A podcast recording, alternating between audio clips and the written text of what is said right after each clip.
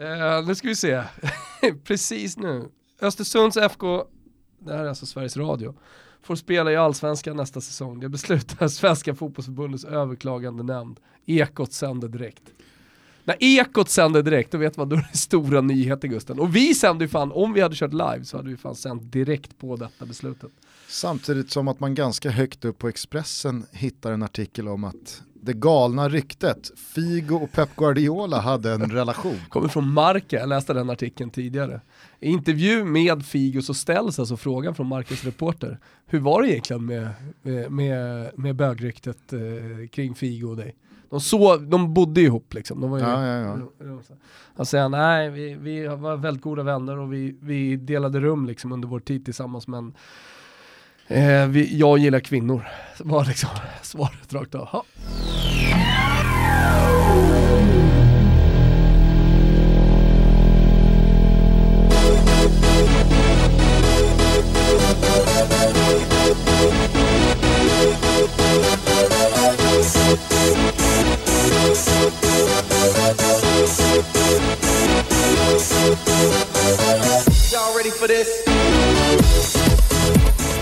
Hörni, god jul! God jul Brage! Nej förlåt, man ska, inte, man ska inte göra sig lustig så här dagen innan julafton. Eh, många Brage-supportrar såklart som är irriterade va? Ja, samtidigt som jag tycker att det är jävligt märkligt att det blir då allsvenskt spel i och med att spelschemat för allsvenskan lottades förra veckan och det dundrades ut även från förbundshåll med liksom omgångarna. Mm. Och där var ju Brage med och mm. inte eh, Östersund. Just det. Då känns det som att varför ens... Det här måste de ju ha känt till, alltså, så att säga. Kärnan på Svenska fotbollsförbundet och jag menar kärnan, alltså utanför kärnan så är det inte speciellt stort. Nej, jag fattar faktiskt inte hur man ens kan genomföra en, en lottning av ett spelschema när det inte är fastslaget vilka 16 lag som ska delta i serien. Mm. Mycket märkligt. Med under Men... så lång tid eh, och vi har verkligen kämpat och slitit för att få ihop det här och för att få en elitlicens. Alltså, eh, och nu har vi den och det är klart att det är mycket känslor som kommer då. Hur, hur tänker ni framåt nu då? Kommer ni arbeta ja, på, ännu hårdare nu då? Ja, men så är det ju. Alltså nu, nu, vi ger oss Nej, inte för det här. Vi, eh, vi kommer fortsätta Nej. att dra in pengar. Vi fortsätter att eh, stärka oss så att vi kommer med ett eh, riktigt slagkraftigt lag inför Allsvenskan 2020. Säger Niklas Lidström, pressansvarig på ÖFK. Skit i det där. Ja, ja, ja. Är, är Sveriges Radio lite på tå nu så ringer de ju efter det här eh, upp eh, Klabban Sarenpää. Eh, såklart. Få lite rejäla reaktioner. För att det, det... det, finns ju säkerligen någon, alltså jag tror ändå Klebban kan vara lite lugn så här, men det finns ju garanterat någon i styrelsen som är riktigt förbannad mm. idag. Som vill slå näven i bordet, men eh, det kommer väl reaktioner på det här. Östersund får inte ett lätt 2020. Nej, det lär nog skanderas både det ena och det andra. Det lär dyka upp ett par budisar på en hel del läktare. Jag läste också i slutet på förra veckan att Kinberg, han vill att hela rättegången gentemot honom, den ska göras om. Ja. Hörni, kan vi inte bara börja om på, på ruta ett och så kör vi den här en vända till för det blev så mycket fel i den här rättegången. Mm. Nu är det här överklagat och det är ingen dom som har vunnit laga kraft än. Östersund verkar alltså få eh, licens att spela i Allsvenskan 2020 så att ja, Östersund de ser ut att ha både nio och tio liv. Så är det. Helt otroligt alltså. Helt otroligt. Eh, men god jul då säger vi till eh, Brage då. Eh, styrkekramar från Toto Balutto. Verkligen. Det här, det här är ju, det, det, det är en faktiskt nästan oefterhärmlig allsvensk jakt som Brage går igenom. Alltså ja. alla minns nog de som i alla fall såg det. Bilderna från Domnarsvallen då, då i slutet när då BP lyckas eh, lugga J Södra på poäng och det blir ett kval som de sen då torskar mot Kalmar men så blir det allsvenskan ändå för ÖFK dribblar bort elitlicensen och det blir Brage som får den platsen, inte eh, GIF Sundsvall som jag och många andra då förespråkade att det skulle bli och nu så tas platsen ifrån dem efter att spelschemat är satt. Alltså... Nej, bisarrt alltså. Man undrar ju också vilka som har hunnit förlänga sina kontrakt i Brage med kanske en liten race eh, för att man ska spela allsvenskt. Om sportchefen har varit smart så har han ju varit lite försiktig med det. I och med att det har funnits en möjlighet att... Eh, Fast att har det gjort det? det? När spelschemat är satt och... Jag vet inte vad som har sagts från förbundet. Nej. Fört dem bakom ljuset men... Eh, Vilka jävla svängningar alltså. Ja. Ja, Brage kämpar på, så också Toto Balutto. Det är måndag den 23 december, dagen före dagen. Och eh, det här gör ju inte att vi eh, ligger på latsidan. Nej, och vi kanske ska dra någon slags schema här inför julen så att folk är med. Vi brukar ju få en del frågor, slipper ni fråga. Mm. 26 kör vi, Boxing Day kör vi med Bojan innan han går in i Viasat-studion. Sen så den... Och då kör vi en lite liksom Premier League-summerande första halvan, eh, stora utropstecknena, positiva Precis. överraskningar, negativa överraskningar. Vi pratar lite uh, Arteta och Arsenal och ja. det blir uh, mycket... Till Calcio-runkets glädje kör vi en liten Premier League-special. Men det är ju så i de här tiderna. Serie A går ju på semester, La Liga går ju också på semester och, och tyska fotbollen, de, de, kommer väl tillbaka till våren någonstans. Uh, så att det blir ju ett Premier League-fokus, det blir ett härligt så här, julfokus på fotbollen mm. i England. Man ser tomtar på läktarna och, och det, det, är bortom rasismen som vi säkert kommer komma in på. Jävla trevlig stämning när alla hemvända ledare kommer hem.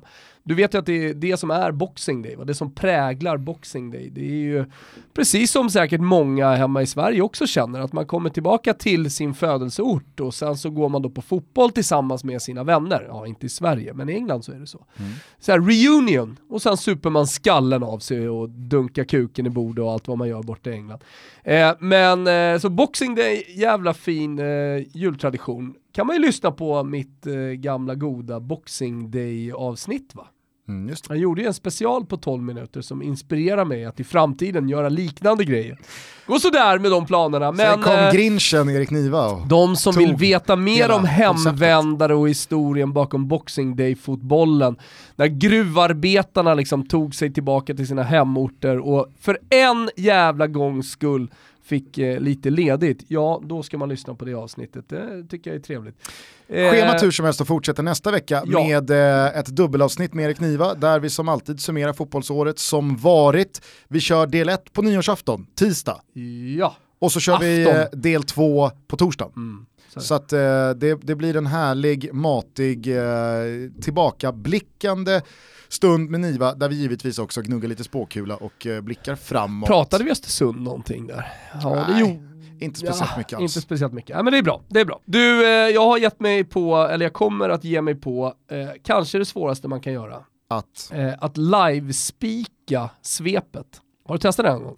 Det är väl det... Svepet är ju förskrivet. ja, okay. ja, men alltså jag, jag ska alltså spika det här svepet utan att ha någonting för, för, alltså, om man, man tänker så för 20 minuter sedan när den, jag sa, har du eh, löst ett svep? Ja, men jag hade bestämt det redan, så sa du, jag ja. hade bestämt det redan för två veckor sedan, jag skulle testa mig på det, se var det landar någonstans, för det finns ju en skicklighet i det där. Alltså, du slutar aldrig att grunden, förvåna vad gäller att liksom förenkla arbetsuppgifter. Nej, jag förenklar ingenting. Fan, eh, är det någonting jag lägger stort värde i, och det tror jag alla som lyssnar på det här också förstår. Precis så är på samma sätt som folk kan vrida och vända Helvete på en krona, va? ja. så kan du vrida och vända på en minut. Helvete vad svagt det blev med, med Bojan som, som läste upp ett dundersvep. Jag var ju tvungen att gå in och i alla fall göra om avslutningen senast. Där får ju våra lyssnare kanske en liten så reality check som tänker att fan jag kan också svepa. Det är inte så lätt, inte ens Bojan Djordjic eh, liksom kan göra det med bravur. Nej. Han kommer sätta sig i studion. Nej men det här är, det här är ett roligt, jag, utmanar dig, du kan väl komma och, och live-speaka om vi får kalla det för det då, ja. ett svep i framtiden. Det allra enklaste sättet att göra det på, det blir ju som eh, sjörapporten på, på radio. Kuling, 13 eh, sekundmeter beep och så nästa som man kör liksom bara Tottenham-Chelsea 0-2 och läser upp resultat typ och målskyttar. Det är ju det enklaste sättet. Det hade inte blivit så bra tror jag. Det hade inte blivit så bra, fyller sin funktion dock för folk som inte liksom har koll på vad, vad som har hänt. Um, men ska vi, ska vi testa då? Absolut. Okej. Okay. Vissla igång då Kimpa. Är du med Gugge? Nu åker vi. Ja, vi börjar svepet eh, på öarna och vi börjar med den stora matchen mellan Tottenham och Chelsea. Alla hatar Tottenham, sa Premier League-studion i Viasat. Är det så Gusten? Det vet jag inte, men klart är att Chelsea-supporterna, de hatar i alla fall sina antagonister. 2-0 blev det i en match som verkligen var ett steg tillbaka för José Mourinho. Vi får se om man kan göra någonting på Boxing Day. Jävla prestation av eh, Chelsea och Frank Lampard, han eh, klev tillbaka på vinnarhästen igen. Det det såg inte jag framför mig. För Manchester United, ja då undrar man vad framtiden ska ta dem egentligen. Eh, nu förlorade man med 2-0 mot Watford och prestationen som man stod för var som jag skrev i min krönika Gugge, riktigt, riktigt svag. Alla ser de problemen som Manchester United har mot de sämre lagen, utom kallar honom för pajas. Norske, det var någon som skrev till mig på Twitter, vad fan var han kallade honom? Eh, om det var kuknyllet eller någonting sånt. Hur som helst, eh, utom eh, Ole Gunnar Solskär, vad gör de under veckorna? Finns ju ändå sex dagar att träna fotboll på. Paul Pogba kom hur som helst in och det finns lite hopp i Manchester United-lägret, tycker jag. Manchester City då, ja de skulle spela den här matchen mot Leicester, Leicester som hade tagit hand om andra platsen. Ja, vad har man egentligen City? Vad har man Pep Guardiola? Jo, vi har 3-1 City och det börjar återigen kännas som att man kanske har någonting på gång den här säsongen, även i ligan. Stolthet alltså. I botten fortsätter eh, att bompan att gå dåligt, torska hemma mot, eh, mot Burnley, och nu säger du att eh, de, de ändå har chans på Boxing Day, Gusten. Jag trodde ju att de skulle få det lite tufft när vi diskuterade matchen hemma mot Arsenal. Arsenal. Och att Arteta kommer få ett lite så energilyft eh, på, på Boxing Day när han kommer in som sagt. Eh, men då upplyser vi alla våra lyssnare att King och Wilson är tillbaka i startelvan, då kan det börja smälla igen.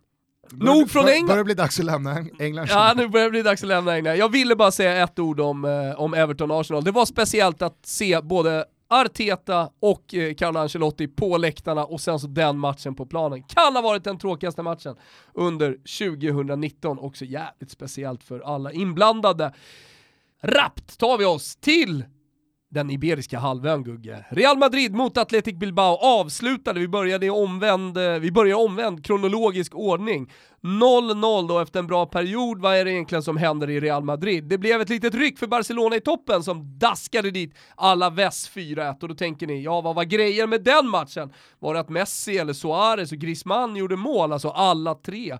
Eller var det att eh, Vidal klev in i målprotokollet? Nej! Det var ju såklart att JG startade för Alaves. Annars eh, så tar vi såklart med oss från eh, den spanska fotbollen att Alexander Isak gjorde mål igen och hans 4-2 mål, ja det visade sig vara fundamentalt för att Real Sociedad, alltså also known as sossarna, vann med 4-3. Jävlar som han kör, den gode Isak. Inte så jävla mycket mer från den spanska fotbollen om eh, du tillåter mig så tar jag mig till den iberiska halven höll jag på att säga, till Stöven och den italienska fotbollen.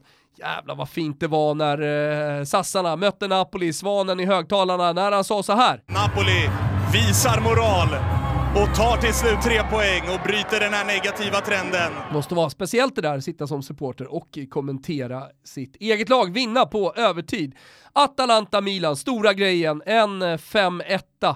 Cinque at zero och eh, jag tror nog att Milan nådde botten. Hur många gånger har vi sagt det? Ja, men nu fan slog man rätt i och frågan är vad som händer framöver. En pinsam prestation, sa Bobban som är med i någon slags eh, sportslig ledning efter matchen och jag kan bara hålla med. Kommer du ihåg när eh, Thiago Motta kom in i Genoa, man pratade om hans nya spelsystem som skulle vara revolutionerande. 4-0-torsk mot Inter, Lukaku gav bort en straff till Esposito, Toto Balotto är sur över det, men nu får han lämna Thiago Motta. Det blev inget klang och jubel från hans sida. Förutom det då så i den italienska fotbollen slog Roma Fiorentina i Il Derby i Toto Balutto och Montella fick sparken, äntligen, tre månader för sent. Eller han kanske inte ens skulle ha anställts. Nu snackas det om Jacchini och eh, det är inte så att man eh, är jätteglad över det va. Från den italienska fotbollen så måste vi också rapportera om Dejan Kulusevski show. Återigen, jag skrev det igår på Twitter, 4 plus 7 från den här hösten. Det har varit en fantastisk show. Eh, nu vill Conte ha honom redan i januari. Vi får se vad som händer. Det viktigaste av allt, hur som helst, var att allas vår Ballogol, Ballogol, Ballogol, Ballogol, Ballogol! Ja, han nätade, fixade pinne till Lombardiets stolthet och eh, Brescia och de bara ångar på. Det här var svepet hörni, live från eh, Toto Balottos studio. Det var ju ett trevligt grepp ju. Vad ger du dig själv för? Nej men betyg? fan, det är bra betyg ändå kan jag tycka. Tog, tog igenom det viktiga med svepet, det får vi inte glömma bort. Alltså det här är ingen, det här är ingen posering liksom från våran sida, utan det viktiga med svepet det är ju att folk får reda på de stora, liksom det stora, vad som hände i, i fotboll, fotbolls-Europa. Ja, således eh, tycker jag att du kanske glömde det mest anmärkningsvärda från den italienska fotbollen den här helgen.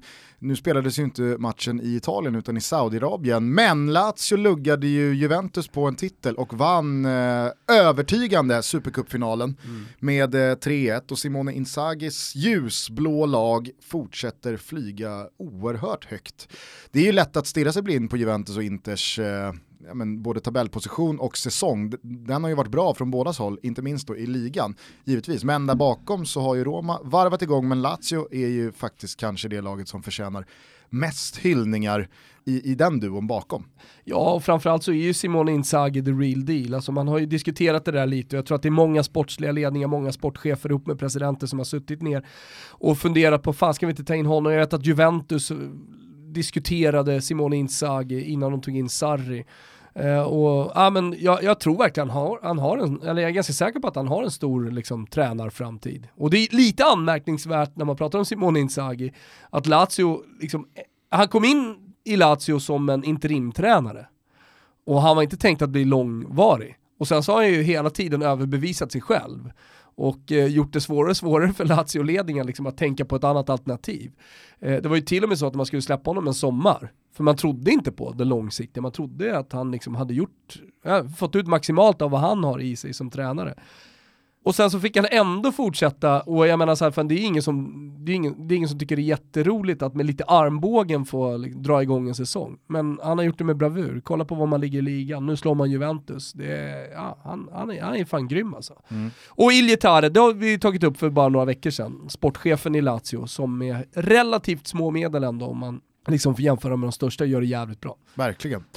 Eh, all cred till eh, Lazios eh, höst. Både en fin ligaplacering, bra hugg på Champions League-plats och så dessutom en titel som jag tycker ändå, alltså den smäller ju ganska högt när den tas mot Juventus. Det, det går ju inte att säga någonting annat. Det, det, det, finns ju liksom dassigare interna kupper, inhemska kupper, inte minst då sådana här supercupgrejer. Vi, vi, vi rycker ofta på axlarna åt den här liksom community shield eller charity shield ja. eller vad den nu heter i England för det är så väldigt mycket träningsmatch över den. Mm. Men eh, när italienska lag har chans att ta en, en eh, pokal från Juve då, då, då blir det ju någonting Det finns annat. ju inte så jävla många titlar att vinna i slutändan. Nej. Så att jag menar så här, fan, en superkoppa för Lazios del, den betyder inte allt. Men, men, men det ger, ger ju någonting, en liten boost i självförtroendet. Och, och att man gör det mot Juventus just också, det, det, det är klart en fjäder i hatten. Eh, och för Simone Inzaghi så samlar han, alltså den titeln kommer ju för alltid att stå där. Ja, ja, visst.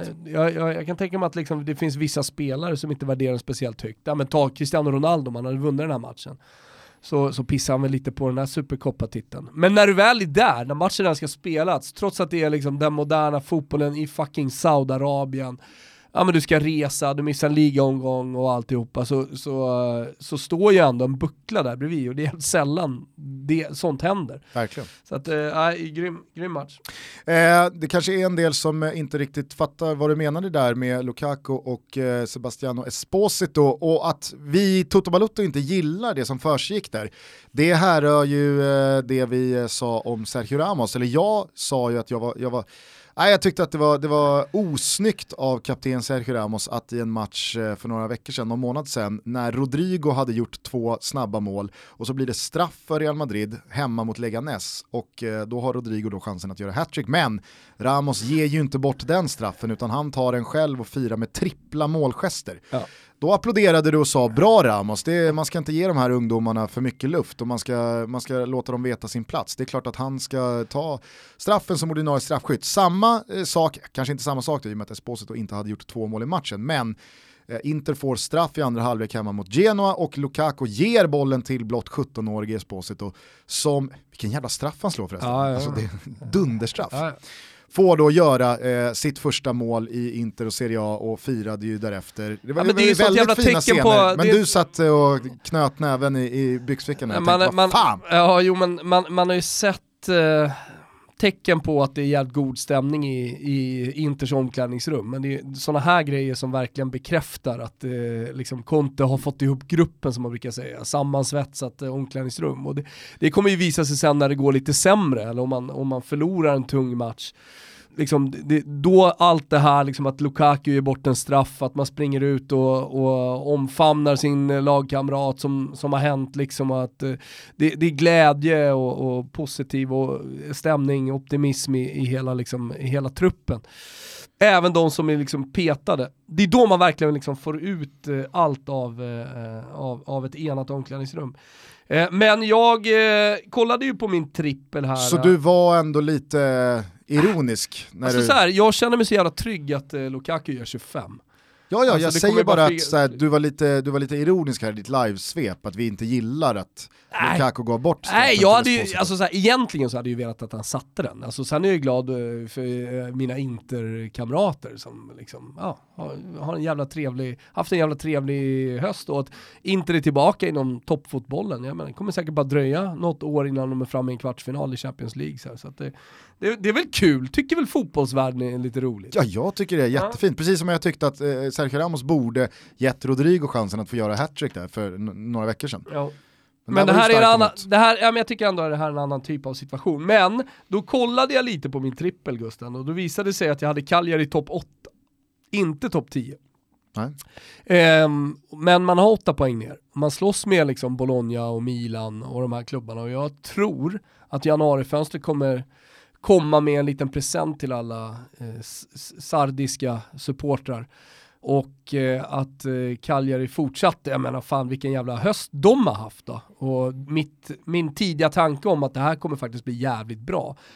Eh, min, min, analys, liksom, min spekulation om Cagliaris säsong har ju hittills slagit rätt och man har dessutom luft ner till nionde platsen. Så att det, det, det, tycker jag, det tycker jag är lite härligt. Sen att Lukaku också har då hittat tillbaka var ju många som garvade åt mig när jag sa att han skulle göra över 22,5 mål.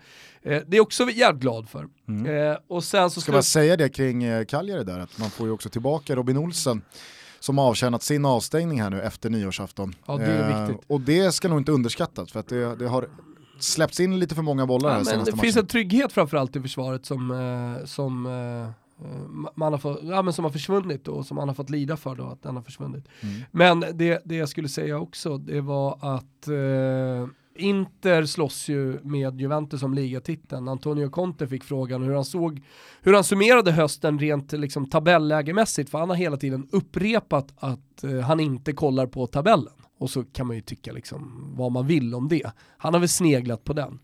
Men då säger han att fan, eh, det, här hade jag, det här hade jag tagit på förhand. Om någon hade sagt till mig att jag skulle ligga en poäng efter Juventus, liksom när, när vi summerade hösten, då hade jag, liksom, ah, då hade jag tagit det. Mm. Då upplyser reporten om att eh, ni ligger faktiskt på samma poäng. Så han hade inte koll. Eh, och, och, om man då kopplar det till min trippel, ja, det här lever ju.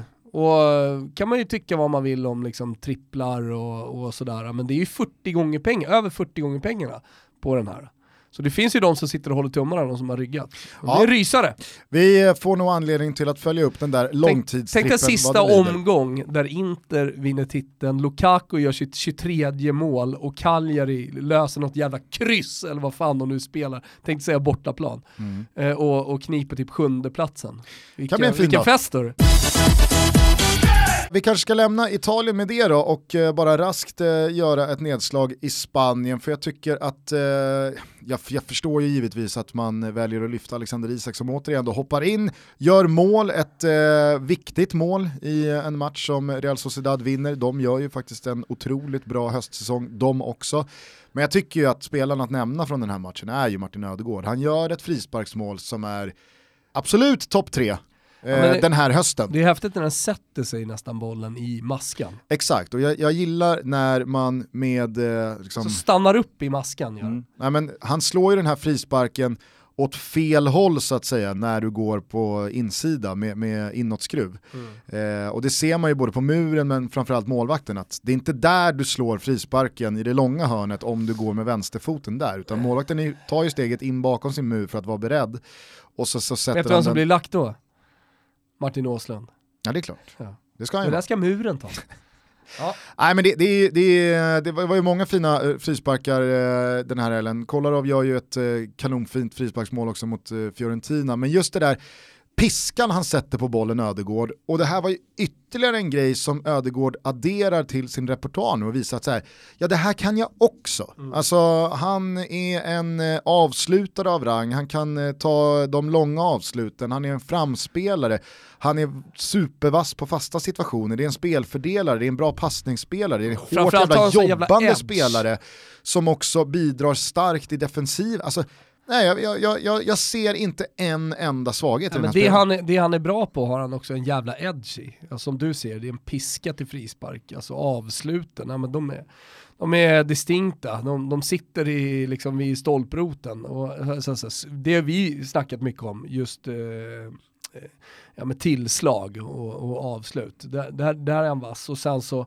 ska han ju, måste ju kunna som, som offensiv mittfältare också hitta lösningar. Eh, det, det, United har haft problem med och har problem med att eh, liksom luckra upp eh, lågt stående försvar. Ja, men det, det, det gör han med, Vil, vilket eh, liksom borde borga för att han spelar för Real Madrid nästa säsong och han gör det från start. Ja, jag kan inte tänka mig någonting annat än att Real inser att ja, den här spelaren är färdig för vår mm. nivå nu. Det är nog många som vill ha honom. De, de, de kommer få bestämma sig tydligt. Mm. För att det är många som kommer vilja ha honom. Nej, fantastisk eh, säsong från eh, Martin Ödegårds sida och har ni inte sett det här frisparksmålet så tycker jag verkligen att ni ska klicka er fram. Fotbollskanalen bland annat eh, hushåller ju då alla highlights och mål från eh, La Liga och mm. Serie A. Eh, så att eh, där hittar man med fördel allt som händer från Simors flaggskepp Serie A och La Liga. Då kan jag också tipsa om Adam Pintorps svep, när han eh, då går igenom eh, ligaomgångarna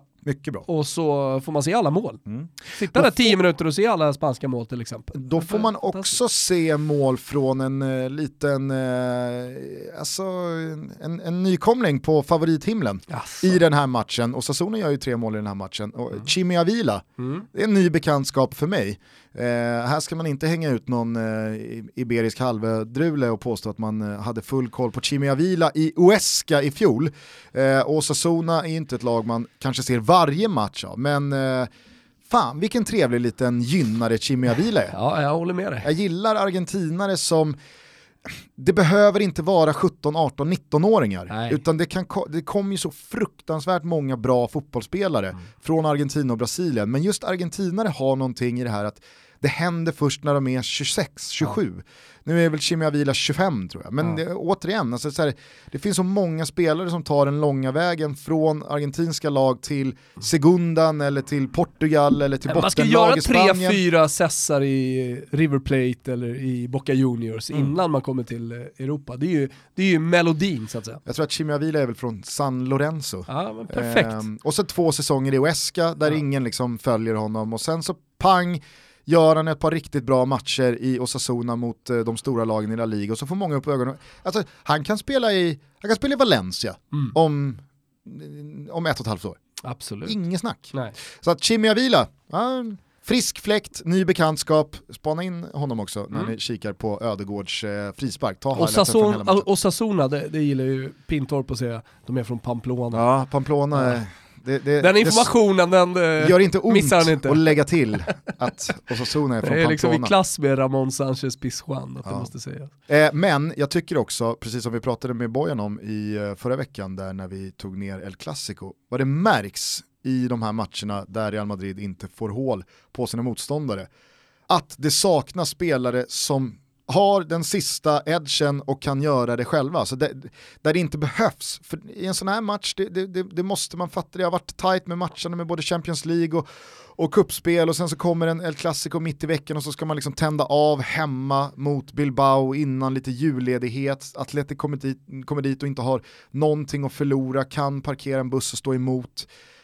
Man orkar inte skaka fram 15 målchanser då. Nej. Utan då måste de sitta och Benzema i all ära, det, det, det, går inte, det går inte att liksom, eh, kritisera honom efter den här hösten.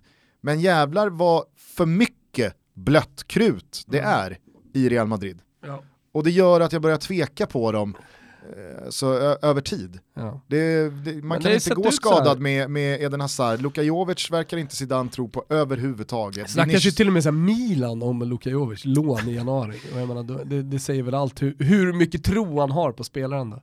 Kolla bara på Ante Rebic. Alltså hur, hur, hur en uppåtgående kurva kan dö när man hamnar i Milan. Ja, och så kommer de till Tyskland och så får de upp den där kurvan igen och så kommer de tillbaka. Det är därför Ludde Augustinsson och eh, Foppen Forsberg ska hålla sig borta från Milan. Mm. Det snackats mycket om just do, den klubben med dem.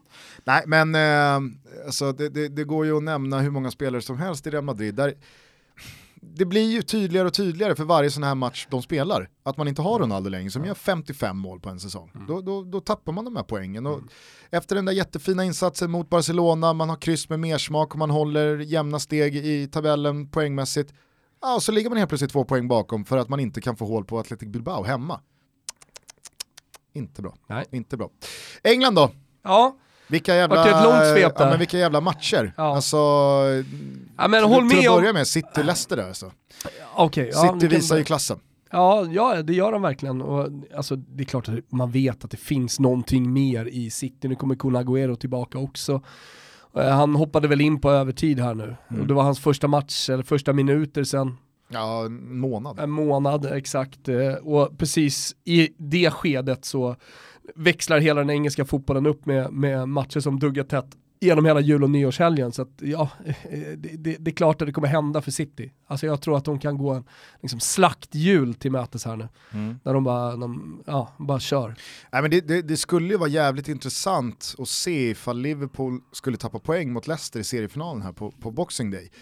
Om City vågar börja tro på det. För nu känns det lite som att i de här matcherna så har de gått ut med inställningen att fuck it, nu kör vi bara. Nu, nu finns det liksom ingenting kvar att, att hålla på och fundera kring. Nu ska vi bara ta varenda jävla poäng som finns kvar och nypa. Vi går ut och kör över våra motståndare.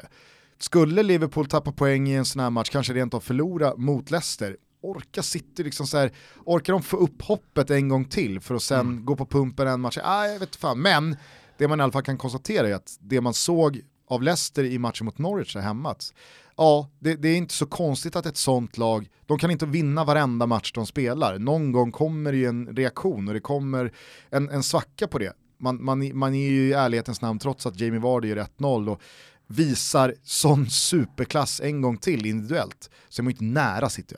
Nej. Alltså det, här fick man ju verkligen en reality check på att Leicester, oavsett hur det går i matchen mot Liverpool, det, det, liksom så här, de kommer ju både ha City och Liverpool framför sig när vi summerar den här Premier League-säsongen. Mm. Ja, ja nej, men definitivt alltså. Och som jag sa, jag tror att de har en uh, ruskigt fin uh, jul framför sig. Alltså jag tror att City verkligen kommer lyfta. Sen så är ju det positivt om man kollar på Champions League sen till, till februari. Om man, kan, om man kan komma igång då lite sent, låt oss säga det. Att det här var bra, lite på Real Madrid-vis, så har man gjort en svag höst. Man har tappat i ligan, man har inte imponerat, man pratar inte om dem i liksom, ja, men final Champions League, vinna Champions League på samma sätt som man har gjort tidigare i år. Mm. Kanske har det varit perfekt då för, för dem. Kanske mm. är det till och med planerat av Pep Guardiola. Flaggar också lite för att eh, det våras för Riyad Mahrez Asså. Ja, jag tycker att han i de senaste... Kommer han få spela?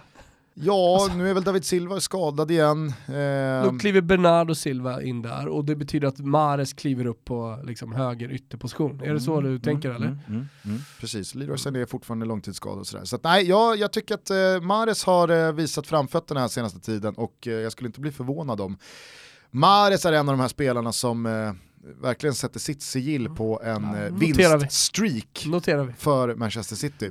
Eh, men du fick ju med dig i ditt livesvep väldigt tydligt här, vilken jävla pissinsats av Spurs och José Mourinho. Jag trodde att eh, insatsen borta mot Manchester United var liksom så här, oj vad hände här? Va, mm. va, vad sysslar Mourinho med?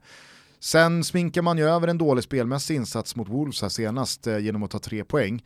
Men eh, aj, eh, Tottenhams, ja, Tottenhams match som... mot Chelsea igår är bland det sämsta jag sett. Ja absolut. Eh, alltså, en sak som jag tycker blir så jävla uppenbar det är att nyckelspelarna inte trivs. Alltså i det spelet. kolla på sånt till exempel under Pochettino så kom han alltid rätt. Han fick bollen i rätt lägen. Alltså, han var, han var eh, positionerad på planen där han ska vara. Så att det hände någonting. Nu känns det hela tiden som att Kane kommer ifrån liksom, han är aldrig där han ska vara, Son är aldrig riktigt där han ska vara. Så att, ja men det finns ju någonting i hela, ja, men kolla på Tottenham nu, till exempel den här matchen första halvlek där man blir så långa i spelet, trots att man är ut, utspelade. Sen så att man alltid kommer lite sent in i pressen, det tycker jag också är så jävla sjukt märkligt. Liksom, de kommer och pressar, men de är en halv sekund sena hela tiden. Vilket gör att eh, de här William och de tekniskt skickliga, skickliga spelarna, Kovacic för all del, de, de får en ganska lätt resa under den här matchen. Mm. Nej, och sen så, alltså, vi, vi, sa i förra veckan där att Zidane drog ner brallorna på Valverde. Ja. Här drar ju Lampard ner brallorna på Mourinho så det bara sjunger om det. Att, ja. att Mourinho inte gör någonting åt det ja, systematiskt det och taktiskt. Ja. Nej, alltså, alltså, det röda jag tycker kommer... Att det händer, jo men jag tycker att det händer något. Jag tycker att det händer något i, i, i den andra halvleken ändå. Man får publiken med sig, man, man, man vaskar fram några halvchanser. Jag tycker att de har någonting på gång där. Jo, sen så, sen så är det väl väldigt givet att Chelsea som får 2-0 det sista som sker i första halvlek går ut i den andra halvleken väl medvetna om att nu har vi ett resultat att spela på. Ja. Nu måste ju Tottenham komma. Det är klart att det skenbart kan se ut som att Spurs har en, en bättre period när Absolut. Chelsea är väldigt nöjda med att ligga lite lägre och kan gå jag, på omställningar. Jag vill inte sitta här och försvara Mourinho, det gör jag definitivt inte. Jag tycker att det är en kass eh, liksom matchplanering från hans sida. Taktiskt så, så blir man slaktade. Men att åka på det målet och sen det röda kortet, det är klart det påverkar. Så det är två stora, maffiga, feta händelser som, som gör att Tottenham inte liksom, har en chans i den här matchen. Annars hade de ju haft en chans. Jag vill ju påstå att eh, Gazzanigas agerande som föranleder då straffen och 2-0, det är en grövre tavla än de Geas fumlande av alltså, och, då, och, då, och då vill jag verkligen understryka att de Geas tavla det, det den är monumental. Ja men den ser man ju inte ens i liksom pojkar 7, Sankt Erikskuppen. Han har 5 miljoner i veckan och, och, fumlar in den där bollen. Det är så uselt gjort så det finns inte. Det är intressant Ändå... det där när man ska nämna hur mycket de tjänar också. Han har 5 miljoner i veckan. Ja, men i, i just de Geas fall, i de fall så är det ju värt att påminna om lönen som han har fått i sitt nya femårskontrakt. Jo, jo, bara, det är ofta man gör det. Men håller du med mig? Det här är miljonärer som spelar fotboll. Hur uselt, hur uselt äh, agerande det ändå är från de Gea, så är Gazzanigas insats i just den sekvensen är värre. Mm. Varför tar han inte bollen med händerna? Mm. Alltså han får ta bollen med händerna i det läget. Ja. Det är en lös boll med snö på, förvisso lite skruv utåt, men vad fan. Men boxaren då om du är osäker? Alltså, alltså. Vad gör han? Ja. Nej, det är ett hjärnsläpp. Det är, äh, det är, jag har inte sett en målvakt få liksom en, ett, ett värre hjärnsläpp sen, eh, kommer du ihåg Davor Blasevic i Hammarbys mål borta mot Kalmar ja, ja. i sensomras? När han står och liksom kör några snabba fötter och sen bara ger sig ut och på Schumacher-vis. Nej, det var Såg ju en sån nyligen alltså. för övrigt, en, en, vem var det? Tysk målvakt som, som sänkte en spelare på, exakt på Schumacher-vis. Knockade honom liksom. Ja just det, den såg jag också. Mm. Eh, men jag kommer inte ihåg i vilken match eller vem det var. Såg Donnarumma för övrigt i den här pinsamma prestationen i Bergamo. Eh, som du av någon märklig anledning i svepet kallade för en femetta när det blev 5-0. Ja, det är sånt som kan hända när man livespeakar. jag, jag, sökte, jag sökte det italienska ordet, vad fan är det man säger på fem mål? Det är så svagt om att det fortfarande inte sitter.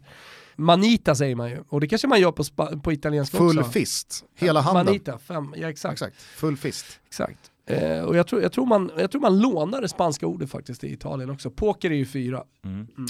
Ja, men eh, där, där, där han liksom är på väg ut, stannar, börjar nästan backa och sen så går han ut och är ändå nästan först på bollen. Så hade han bara liksom kört. Ja. Men det, det, är väl så när man spelar i ett lag som är på väg åt helvete som Milan är. Ja, nu är inte Tottenham på väg åt helvete, men, men för Milans del, ja men då tappar man tryggheten och då kan det hända sådana här sjuka grejer som man inte riktigt kan förklara själv tror jag.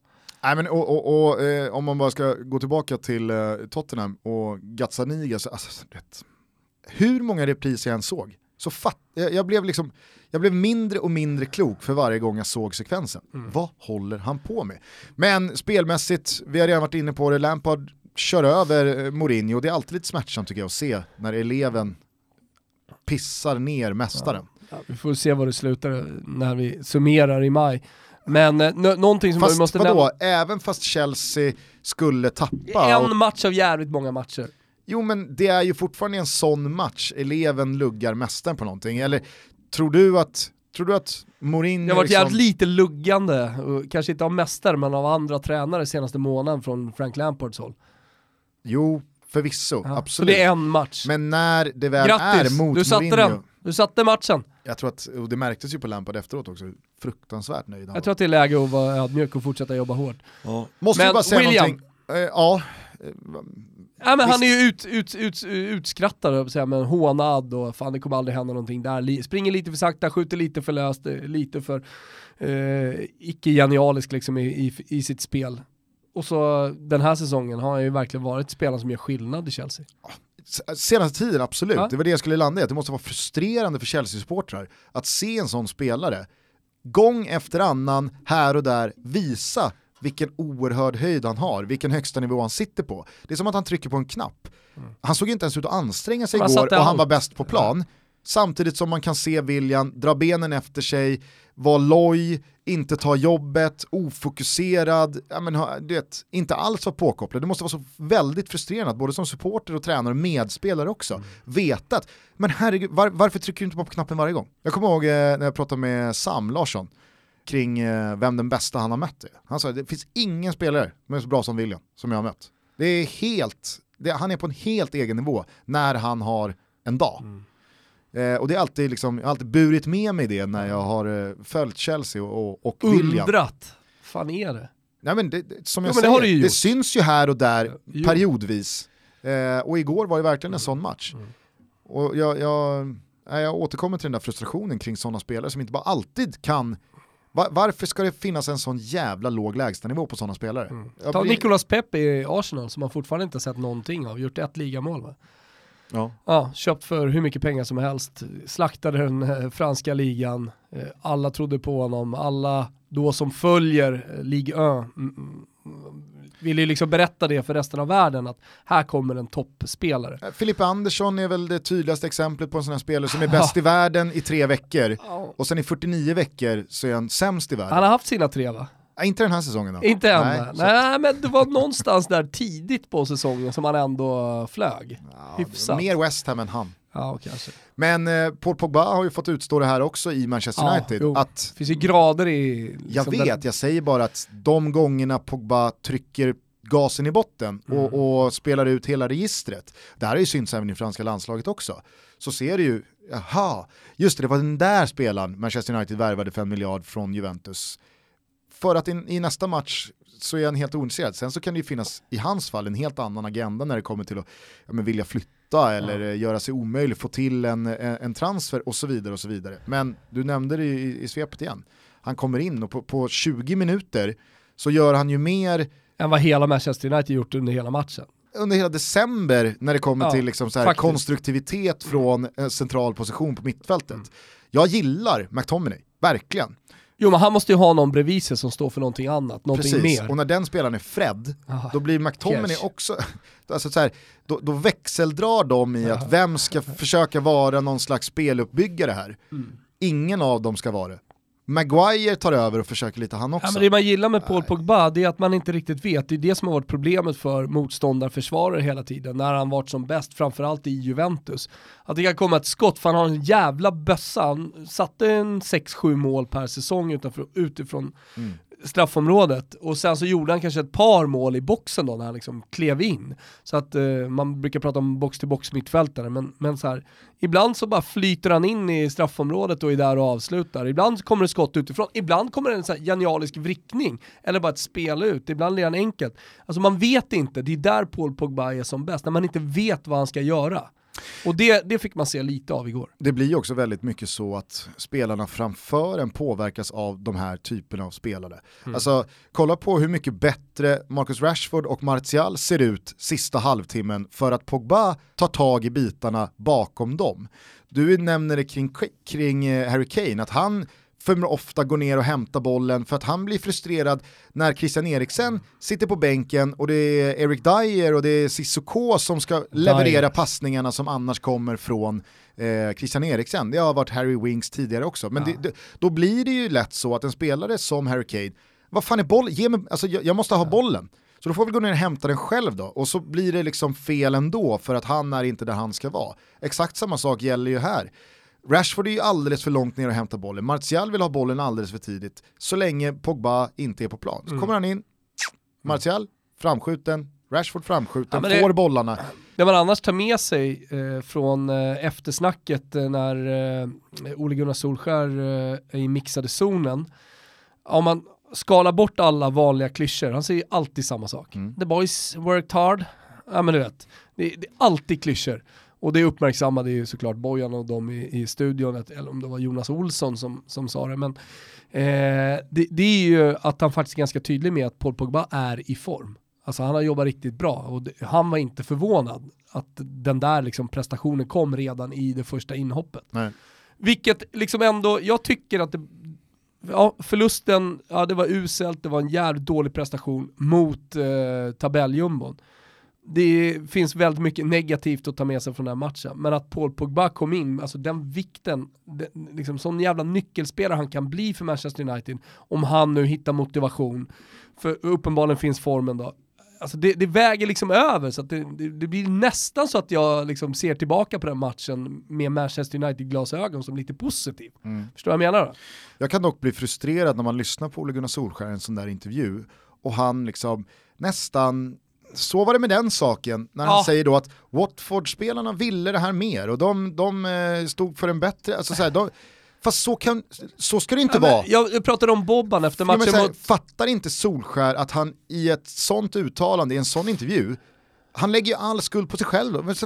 Du kan ju inte stå här och vara fine med att dina spelare inte ville vinna matchen mer än vad Watford-spelarna ville vinna. Watford-spelarna ska väl vilja vinna den här matchen hur mycket som helst, men United-spelarna ska ju fortfarande vilja vinna den mer. Ja. Annars så ligger det här på dig. Alltså awful performance någonstans där hade ju faktiskt kunnat kommit in. Ja, det är bättre att han säger det. Ja. Nej, vi, vi, var, alltså så här, vi var för jävla dåliga idag, ja. punkt. Annars tyckte jag det var jävligt starkt eh, matchen mellan Arsenal och Everton. Att det sitter två stycken tränare som ska ta över lagen på läktarna och liksom antecknar. Och sen så har du eh, två stycken som är på väg att gå the green mile. Eh, Fredrik Ljungberg vet vi inte vad liksom, det, det ska bli med. Och den här andra nissen där, vad fan är han heter? Duncan Ferguson. Ja, Duncan Ferguson. Det, det, det är ingen personlig favorit. Nej, det är det definitivt inte. Fast båda går väl in i, i, i staberna runt jo. nya managern? Jo, jo, och det är väl det kanske där de ska vara. Men, eh, och sen så att matchen blir också så att spelarna väntar egentligen bara på att det ska komma in en ny coach. Det, jag, jag, tänkte lite inför, uh, inför matchen att så här, fan det kanske är några som vill visa. Titta här, nye tränaren vad jag har i mig. Ja. Men man blev ganska tidigt varse om att så, så var icke fallet. Underbar liten detalj dock från den här matchen, det var ju att eh, Pickford stod i keps i andra halvlek. Ja. Det är alldeles för sällan målvakterna på den yttersta nivån. Nej det var det inte. Du såg inte bilderna från, eh, han hade kört någon jävla superrepa ute på stan. Men det har han väl gjort ganska många gånger? Jo, han har gjort det många gånger, ja. men jag fick nya bilder, färska bilder från julfirande. Å andra sidan går det ju inte att klaga på hans insats. Eh, han gör ju en superräddning där på Aubameyang, håller nollan. Däremot, alltså bara snabbt tillbaks till Tottenham, eh, fan den, heter den Tottenham Hotspur Stadium eller Tottenham Stadium? Vad det nu heter. Ja men det är här Juventus Allians ja. Stadium. Jag tycker, alltså så Tottenham såg onyktra ut. Alltså de såg riktigt, riktigt bakfulla ut. Mm. Det var ju inte bara liksom eh, taktiskt och, och, formationsmässigt man hade väldigt jobbigt och blev i numerärt underläge i, i många situationer, i många ytor, utan vart var tempot? Vart var liksom, Nej, fanns... på tal då om kroppsspråk och att vilja någonting mer än motståndarna. Nej, det, var så mycket, det var så mycket slarviga tekniska misstag, det var så lågt tempo, det var så många gånger Aldevereld eller Davinson Sanchez stod med bollen i backlinjen, tittade upp och var så här, jaha, jaha, vad ska vi göra nu? Vad ska vi göra nu? Så att, äh, jag, jag, jag fattar faktiskt ingenting. Många som eh, också uppmärksammade att eh, Golini i Atalantas bur kom in i keps eh, efter, eh, efter paus, vilan. Tänkte du på det? Eller? Nej, jag såg bara, han jag, såg, jag såg bara första halvlek. Men det var, ju, det var ju liksom en lite coolare keps. Alltså han är ju rapper, visste du det? Nej. Han är, eh, il, som man säger på italiano, il rapper con i guanti. Senti che pezzo ti sforno Mi vedi nei posti di lusso ma resto di poggio oh oh Da bambino sognavo questo ja. Vad ger du för betyg den lilla snutten? Jag får säga positivt överraskad. Ja, det är det. Mm. Han, Var det bättre än Jesse? Hans låtar har du hört. Ja, jag har hört.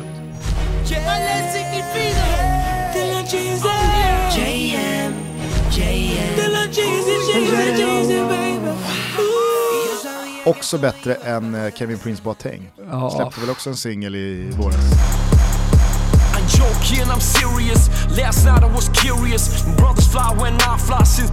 Men han, han körde ju mer liksom så pimpstuke med ja. stor päls och alltihopa. Så det här är, han, han rappar ju om liksom, stora drömmen att bli fotbollsproffs. Och, ja. mm. il, il rapper con i guanti, ja. alltså med, eh, med vantarna. Och bättre keps än Pickford som körde en sån neutral Umbro-keps bara. Ja.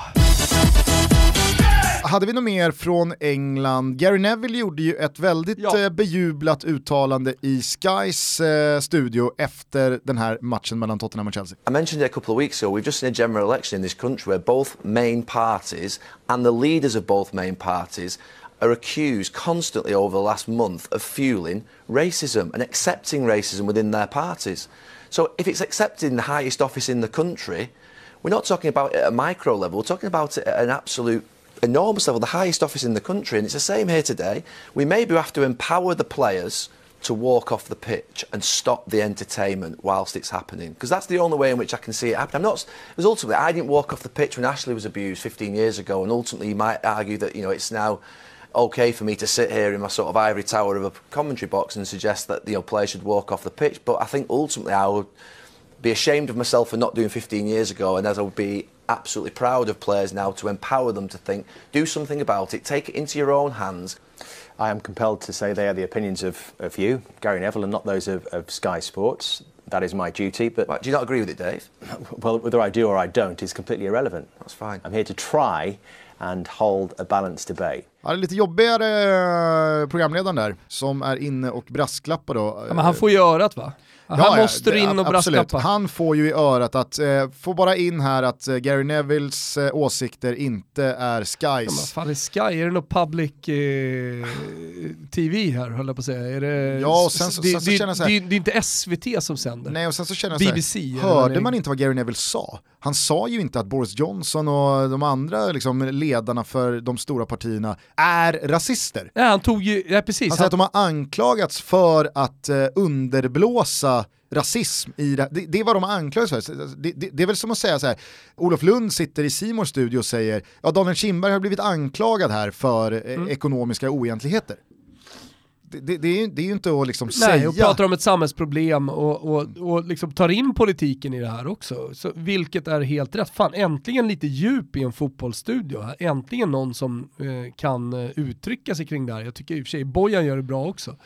Eh, men det är ju viktigt att det händer i England då, som, upp, som har uppenbara problem. Vad var det som hände för de som inte var med? Nej, det är Antonio Rydiger som eh, får eh, utstå rasistiska tillmälen. Han menar väl på att det är apljud, han visar väl gester, det ganska tydligt, liksom. gester och, och, och, och sådär. Så att, nej, återigen, Mourinho, Mourinho fick ju frågan om det här efteråt och man, man märker ju liksom så här hur jävla knepig många tycker den här situationen är. Mm. Mourinho börjar dribbla bort sig att så, men, så här, ja, men det här var vårt lag men det här är alla lag och det är inte, alltså, alla är ansvariga. Men ibland måste man bara liksom lägga ah, fotboll åt sida. Nej, men det är det jag tycker Gary Neville gör bra här, för mm. att Mourinho menar att ja, men domaren följer det protokollet Aha, som nu är implementerat att man ska liksom utgå från. Det man måste kunna under... gå utan, utanför ramarna när man diskuterar rasism. Det var ju samma sak gällande EM-kvalet här i höstas när England eh, inte minst åkte till Bulgarien Bulgarien och det var liksom så här, vi är beredda på det här och vid första eh, gången så händer det här, då ska domaren ta av spelarna och så ska man vänta.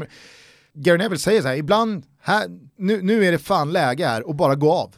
Visa att så här, nej, det, det här är väl det enda mm. vi kan göra då. Mm.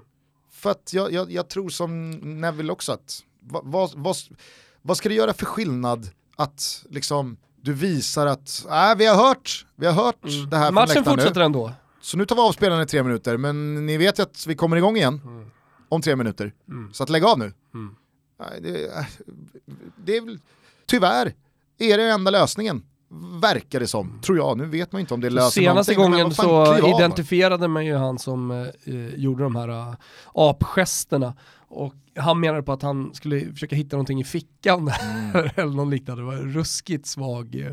För jag menar så här, för en sån, för så, sån person är ju också livet förstört och man kan få sparken från jobbet och det har jag hört också tidigare har hänt. Så att jag menar, och det, det, det, är ju så, det är de krafttagen som måste tas så att man förstår att det, det, det där kan inte få finnas inom fotbollen. Och sen är det ju som Gary Neville säger, sen är det ju samhällsproblem. Och där, där kan ju tyvärr inte fotbollen göra någonting annat än att visa att man kan ta krafttag.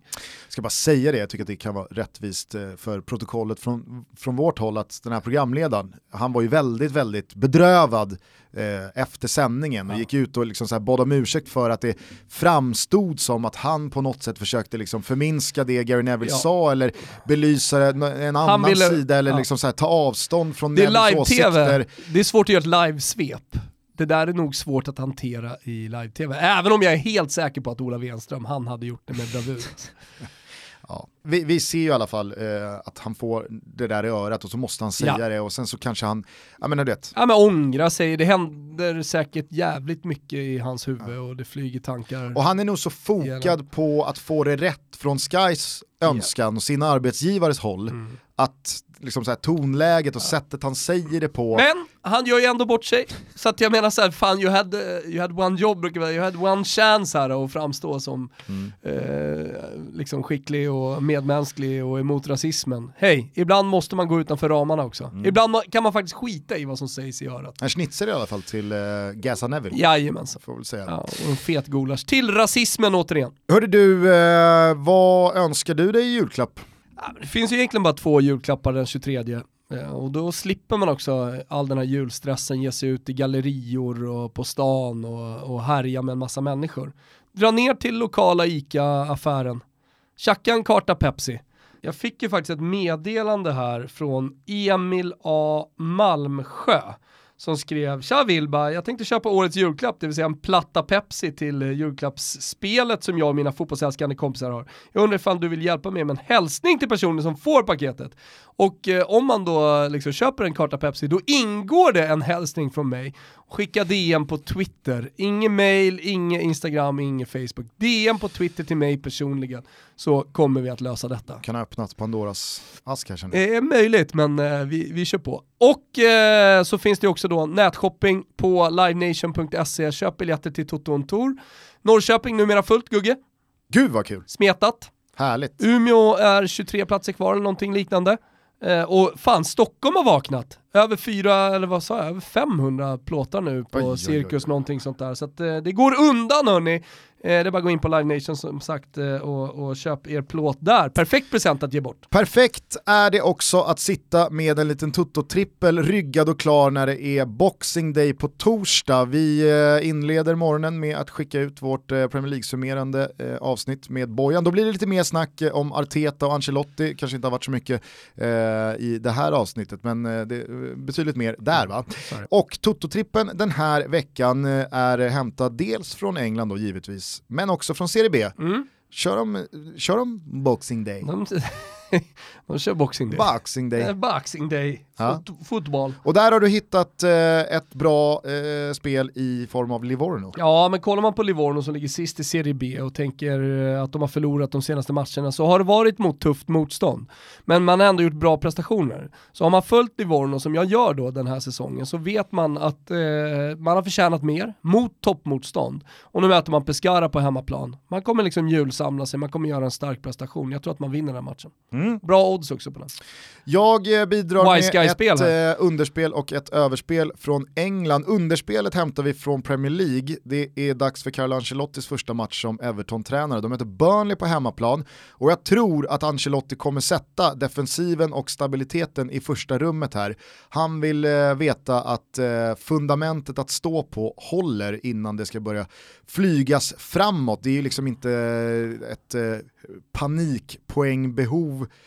man eh, är i, utan man kan börja bygga lite, eh, lite långsamt. Eh, och så möter man Burnley då som kommer från två raka hållna nollor, ganska målsnåla framåt också, tunga på fasta. Jag tror att det här kommer bli ett ställningskrig, det kommer ticka 0-0 länge. Överspelet hämtar vi från en trappa ner, Championship. Stoke mot Sheffield Wednesday, mm. gamla, fina, gamla fina onsdagen springer ju eh, bättre än någonsin. Ja. Och nu åker man till Britannia där eh, Stoke eh, givetvis inte kommer hålla nollan, men givetvis kommer göra mål. Spjäll alltså? Öppna spjäll på... Eh... Har vi på eh, onsdagen? Är det Rolle Nilsson eller? Eh, så är det, ja. absolut. Fint. Eh, gamla fina Steven Fletcher också. Så är det. Som, eh, sant, kommer du ihåg när han plockade nian i Marseille? Ja. Inte för speciellt länge sedan. det är en av Fan var det Toto-tider till och med? Kan ha varit. Ja. Kan ha varit. Eh, nej, så att över 2,5 på Britannia mellan Stoke och Sheffield Wednesday. Härligt. Det är trippen. Rygga med 148 kronor i hashtaggen Toto-trippen. Så önskar du och jag alla våra älskade lyssnare en riktigt god jul. Mm. God jul allihopa där ute. Ciao tutti. Ciao tutti.